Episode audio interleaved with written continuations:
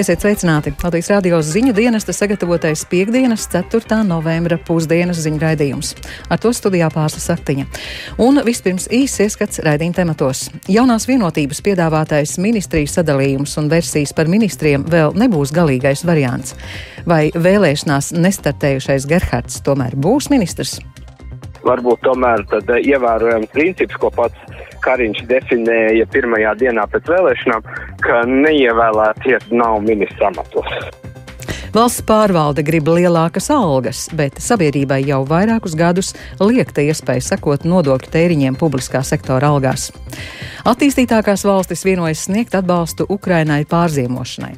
Eksperti atspēko Krievijas apgalvojumus par Ukraiņu tā dēvēto netīro bumbu. Є сьогодні висновок МАГАТЕ Un vienīgā netīrā lieta mūsu reģionā ir to Maskavas pārstāvju galvās, kas diemžēl ir pārņēmuši varu Krievijas valstī un terorizē gan Ukrainu, gan pārējo pasauli. Valdības veidošanas sarunu vadītāja Krišāņa Kariņa no jaunās vienotības piedāvātais ministru amatu sadalījums un neoficiālās versijas par konkrētiem ministru amatiem vēl nebūs galīgais variants, pārliecināti politikas vērotāji. Lielākās grūtības paredzamas saistībā ar zemkopības ministrijas vadību. Vairāk Jāņa Kīņša ierakstā. Jaunā vienotība nākamajā valdībā gatava uzņemties premjeru un sešu ministru pilnvaras. Par Krišānu Kariņu premjeru amatā un Edgara Rinkēviča darbu turpināšanu ārlietu ministra amatā šaubījies retais. Savukārt finanšu ministra amatām varētu tikt virzīts Arils Ašerādens, kura vārds saistībā ar šo amatu izskanēja jau pirms četriem gadiem. Iespējams, izglītības un zinātnes ministra amatā varētu startēt kādreizējā veselības ministra Anda Čakša, tieslietu ministra amatā deputāta Ines Lībiņa Egnere. Savukārt labklājības ministra amatam apspriežot Evikas Siliņas Valiņas kandidatūru, bet enerģētikas un klimata ministra amatu varētu piedāvāt Raimondam Čudaram. No apvienotā saraksta reģionālās attīstības ministra amatam varētu tikt nominēts Māris Sprindžuks.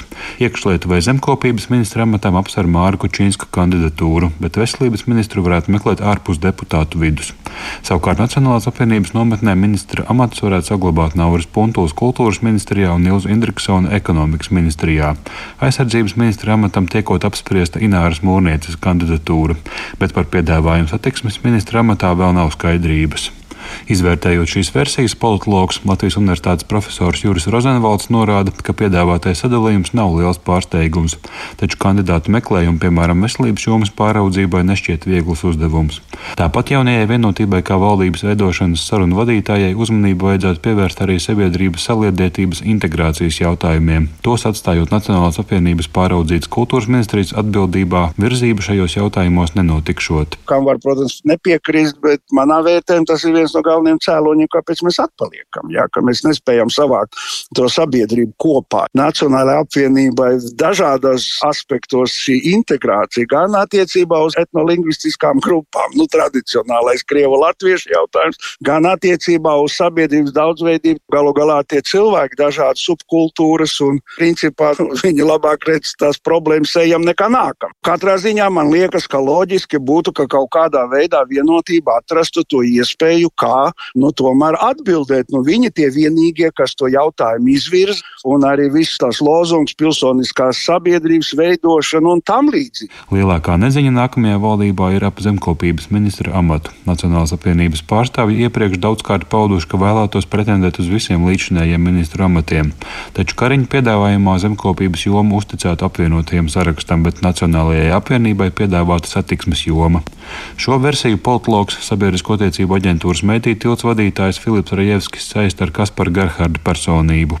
Man ir nelaba sajūta, ka notiek saruna gan par ministriju, gan par kandidatūru. Mēs dosim jums labu ministriju, bet varbūt tomēr tad ievērojam princips, ko pats Kariņš definēja pirmajā dienā pēc vēlēšanām, ka neievēlētie nav ministra amatos. Komentējot versijas par konkrētām kandidatūrām uz ministru amatiem, Rajevskis atzīst, ka pārsteidzoši būtu Andas Čakšas pievēršanās izglītības un zinātnes ministra amatam. Kā lielu izaicinājumu viņš min Evikas Siliņas kandidatūru labklājības jomas nozarei. Tās ir ugunskristības. Pirmais ministra amats, labklājības ministra amats tie, kas iztur šādu ugunskrīzi, ja nemaldos, šāds ministrs bija Auguls, kuram pirmais ministrs amats bija no visiem, ko viņš ir ieņēmis, bija labklājības. Ja tās ugunskristības iztur, tad, protams, var teikt, ka tam cilvēkam ir nu, politiskais krāms, viņš ir uz palikšanu politikā. Partiju pārstāvju sarunas par valdības aprasēm turpināsies šajā pēcpusdienā, un jāsagaida oficiāli vēstījumi, piebilst Rejevskis. To ir tā atruna, gribētu teikt, mēs apspriežam baumas. Jānis Kincis, Latvijas radio. Topušās koalīcijas partneri jauno klimata un enerģētikas ministriju apņēmušies izveidot pārdalot resursus no citām ministrijām. Bet ko par jaunās ministrijas izveidi saka cilvēki un kā vērtē mēģinājumu izveidot valdību? Rīgas ielās izteiktos viedokļus apkopojas Viktors Demīdovs. Nu, es domāju, ka valdības vīri to ir visu izsvēruši, un es pilnībā piekrītu, jo tas ir aktuāli un vajadzīgs. Tur jāstāsta, protams, kas to jomu pārziņā. Ja izveidot ministriju ministrijas pēc, tas ir muļķīgi. Ja ir spēcīgs vadītājs, veido spēcīgu komandu, tas jau ir prioritāri. Man liekas, ka nevajadzētu izveidot jaunu ministriju. Man liekas, ka vajadzētu vienkārši pārskatīt tas, kas jau ir, jāskatās, kas jāmaina tur. Tā ir mūsu ikdiena. Nu, protams, atkarīgs no tā, cik liela tiek izveidota, kā tam tiek pieiets klāt. Ja viņi patiešām darīs, lai Dievs viņiem stāv klāt un palīdz vai ne visās lietās. Bet, ja viņi tikai mulda, tad tā ir viņu problēma. Nu, mums ir jāmēģina. Nu, nevajag visam teikt nē, bet nu, tad tiešām ir jābūt gudriem prātiem. Kā jūs vērtējat mēģinājumu izveidot valdību? Smagi, bet es domāju, ka Kariņš ļoti labi tiek ar to galā. Nē, viss normāli. Tā arī visam vajadzēja būt. Jo trīs partijas nekā liek. Es domāju, ka viņi ļoti normāli šobrīd sadalīja. Viņi ļoti skaisti runā, viņi ļoti skaisti vai ne parāda. Tagad sakojiet tauta lielā barā aiz mums, un tiem vārdiem nav saguma. Sajūta, ka nekas baigi tur tā nemainīsies, un viņš ir citādāk kā parasti, bet nu, nu Vai sabiedrībai ir tiesības zināt amatpersonu un valsts pārvaldē strādājošo darbinieku atlīdzību? Šobrīd sabiedrībai šāda iespēja nav, izņemot reizi gadā, kad tiek publiskotas amatpersonu deklarācijas. Taču jautājums ir aktuāls un sabiedrība par atklātību Dēlna šodien rīko par to diskusiju, kurā valsts pārvaldes un pašvaldību pārstāvju spriež par to, vai un kā valsts pārvaldē strādājošu atalgojums būtu publiskojams. Diskusijai līdzi seko Linda Zalanda. Linda pievienojas studijā. Sveika, Linda! Sveicināta pārsla! Labdien, Latvijas radio klausītāji! Linda, varbūt sāksim ar to, kādēļ tad ir nepieciešams publiskot valsts pārvaldē strādājošu algas. Tāds viens vārds būtu caurskatāmība. Tas būtu viens no tiem atslēgas vārdiem, kādēļ būtu nepieciešams publiskot amatpersonu un valsts pārvaldē strādājošo darbinieku atlīdzību. Jāpiemina, ka diskusija notiek laikā, kad publiskais sektors arvien skaļāk arī pieprasa algu kāpumu, bet šobrīd sabiedrībai ir liekti iespēja uzzināt šādu informāciju, un sabiedrība par atklātību dēlna ieskatā tādējādi tiek ievērojami vājināta atklātība par valsts un pašvaldības līdzekļu izlietojumu. Tāpat atlīdzības publiskošana dotu iespēju ātri atklāt un reaģēt uz nodarbinātības problēmām, piemēram, fiktīvu nodarbinātību, amatu savienošanu, nedabiski liels slodzes apmēriem, interešu konfliktu riskiem un citiem personāla pārvaldības trūkumiem.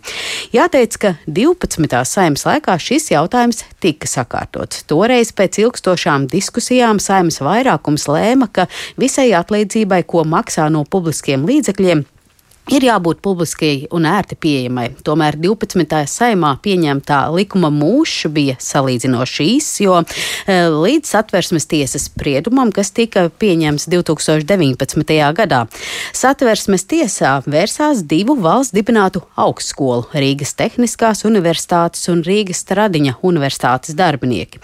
Viņa lūdza tiesu pārbaudīt apstrīdēto normu atbilstību satversmes 96. pantam, proti tiesībām uz uz privātās dzīves neaizskaramību, jo likums noteica, ka darba devējam ir jāpublicē savā mājaslapā. Pieteikuma iesniedzējuma atalgojums un citas viņam aprēķinātās naudas summas, norādot viņa vārdu, uzvārdu un amatu, un jāglabā šī informācija mājaslapā ne mazāk kā astoņus gadus. Toreiz tiesa lēma par labu pieteikumu iesniedzējiem, nosakot, ka likumdošanas procesā ir pārkāpts labas likumdošanas princips. Satversmes tiesa noteica, ka apstrīdētās normas zaudē spēku no tā spēkā stāšanās brīža. Mm, jā, un kādas ir diskusijas dalībnieku domas? Vai 14. saimā būs jāpieņem likums, kas uzliek par pienākumu publiskot algas? Diskusijas dalībnieku vidū Jāteic, ka nebija vienprātības. Izskanēja argumenti gan par, gan pret valsts pārvaldē strādājošo darbinieku atlīdzību publiskošanu un un arī formu, kā to darīt. Piemēram, sabiedrības par atklātību dēlna padomus priekšādātāja vietniece Evita Goša uzsvēra, ka satversmes tiesas lēmums nenosaka, ka atklātības princips pēc būtības būtu slikts, bet tika pārkāpts, kā jau minēja, labas likumdošanas princips. No vienas puses atlīdzība ir privāta informācija, bet privātums ar publiskošanu viņas prātu būtu salāgojams. Piemēram, publiskot datus pa amata grupām, kategorijās no līdz, tāpat kā to šobrīd mēs redzam eh, piemēram, eh, publiski, eh, publiski skatot darba sludinājumus, kur tos ievieto um, privātā sektora uzņēmumi. Savukārt Latvijas pašvaldības savienības pārstāve Kristīna Kīņča vērsa uzmanību uz korupcijas riskiem un privātās dzīves neaizskanības principu. Šim viedoklim asi nepiekrita finanšu ministra padomnieks budžeta jautājumos Inns Dālders, sakot, ka neredz problēmu publiskot konkrētu summu, jo strādājot valsts pārvaldē, cilvēkam ir jārēķināts, ka atlīdzība tiek maksāta no nodokļu maksātāja naudas. Viņa prāt gadījumā, ja tiks publiskots tāds kā vidusrādītājs vai atalgojums pa grupām, tad tam būtībā nav jēgas. Dalders pauž, ka līdz ar satversmes tiesas spriedumu būtībā tika ignorētas sabiedrības intereses un tiesības izzināt, kā tiek izlietot valsts maka līdzekļi. Tomēr šīs problēmas aktualitāte nekur nav pazudusi, un līdz ar valsts pārvaldes atlīdzības reformu, kas stājās spēkā kopš jūlija e, šī problēma kļūst aizvien aktuālāka un tā vajadzība pieņemt šo likumu pieaug. Viņuprāt, likuma pieņemšana ir jaunās 14. saimas rokās. Arī Dēlna sola apkopot diskusijā izskanējušos argumentus un informēt e, par to 14. saimu. Un kā tev šķiet, pieņems tādu likumu? Nu, tas ir arī tāds po politiskās izšķiršanās un gribas jautājums, jo 12. saimas laikā tas nebija viegls jautājums. Tas bija tāds karstais kartupelis, komisijās garas diskusijas, saimā garas diskusijas. Līdz ar to nu, skatīsimies, kā š, šīs saimas priekšstāvji vēlēsies to vai nevēlēsies. Paldies, Linda Zalāne, par valsts pārvaldē strādājošu atalgojumu publiskošanu un dēlnas rīkotājā diskusijā jau izskanējušo.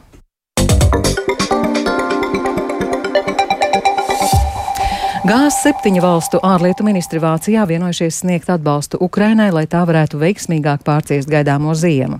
Tāpat ar Āfrikas Savienības valstīm paredzēts apspriest, kādu ietekmi uz nabadzīgajām valstīm atstājusi Krievijas agresīvā rīcība, tostarp bloķējot graudu piegādes no Ukrainas. Bet tikmēr Krievija un Turcija ir paziņojušas par gatavību bez maksas piegādāt graudus bada visvairāk skartajām Āfrikas valstīm. Vairāk stāsta Uģis Lībietis. Kopš Krievijas uzsāktā kara Ukrainā ir pagājuši nu jau 8,5 mēneši, un, ja tic Ukrainas bruņoto spēku sniegtajiem oficiālajiem datiem, tad šodien visticamāk likvidēto Krievijas iebrucēju skaits varētu pārsniegt 75 tūkstošus. Kopš daļējās mobilizācijas noslēgšanās Krievijā un mobilizēto karavīru nosūtīšanas uz fronti, bojā gājušo Krievu karavīru skaits ik dienu ir mērāms vairākos simtos. Un, kā ir paziņojis Ukraiņas bruņoto spēku virspavēlnieks Valērijas Zalužņīs, atsevišķos rajonos uzbrukuma intensitāte ir pat trīskāršojusies, taču Ukraiņas spēkiem savas pozīcijas noturēt izdodas. Šajās dienās plašu rezonanci gūs Startautiskās atomenerģijas aģentūras ekspertu vizīte Ukrainā, kuras laikā tika pārbaudīti vairāki objekti, cenšoties atspēkot Krievijas apgalvojumus par Ukraiņu apņemšanos iegūt un izmantot tā dēvēto netīro bumbu. Komentējot misijas atzinumus, Ukraiņas prezidents Valdemirs Zelenskis uzsvērs, ka Krievijas fantāzijas kārt jau reiz ir pierādījušās nepamatotas. Ja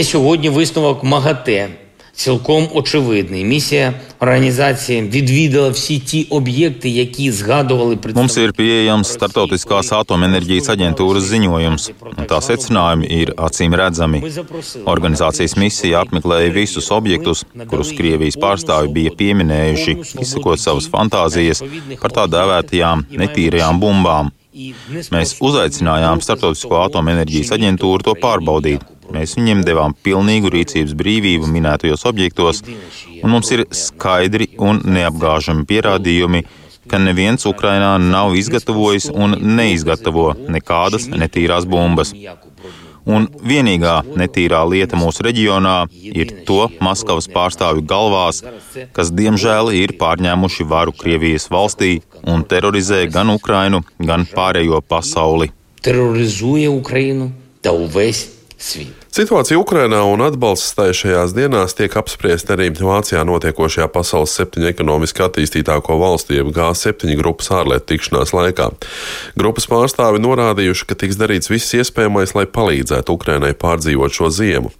Vienlaikus šodien ar Āfrikas Savienības pārstāvjiem paredzēts apspriest to, kādu ietekmi Krievijas agresīvā rīcība, tostarp bloķējot graudu eksportu no Ukrainas, atstāja arī uz citām pasaules valstīm. Turpina Lielbritānijas ārlietu ministrs Džēns. Kleverlijs. Russia's action, Putin's action, has pushed Krievijas un Putina darbības ir iedzinušas izsalkušos cilvēkus citur pasaulē vēl dziļākā izmisumā. Tāpēc ir ārkārtīgi svarīgi saglabāt mūsu strateģisko apņēmību un vēlmi turēties kopā ar šiem cilvēkiem, kamēr tas netiks izbeigts.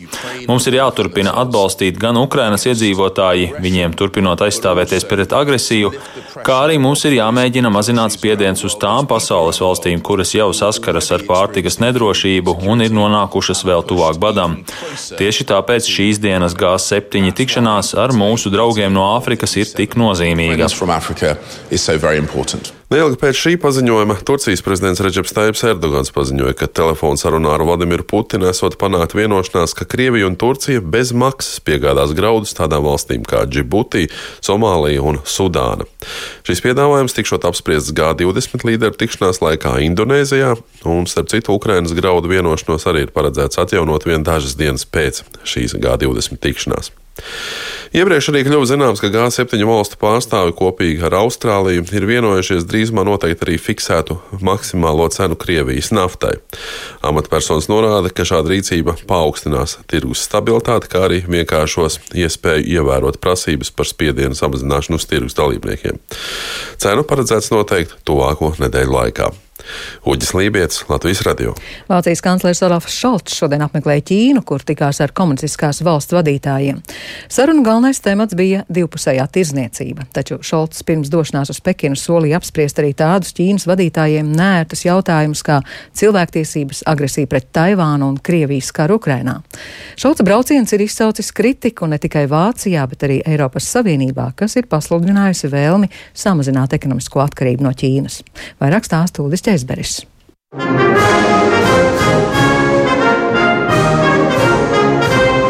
Olafu Šolcu šodien Pekinā sagaidīja ar fanfarām. Vācijas kanclers ir pirmais rietumvalstu vadītājs, kurš apmeklē Ķīnu kopš Covid-19 pandēmijas sākuma pirms gandrīz trīs gadiem. Šajā laikā Ķīnas prezidents Sīdziņpins ir nostiprinājis savu vienvadību, bet Pekinas negodīgā tirzniecības politika, demokrātijas apspiešana Hongkongā, represijas pret etniskajām un reliģiskajām minoritātēm, militārā spēka demonstrēšana Taivānas tūmā un nevēlēšanās nosodīt Krievijas karu Ukrainā ir vairojusi nesaskaņas starp rietumiem un Ķīnu.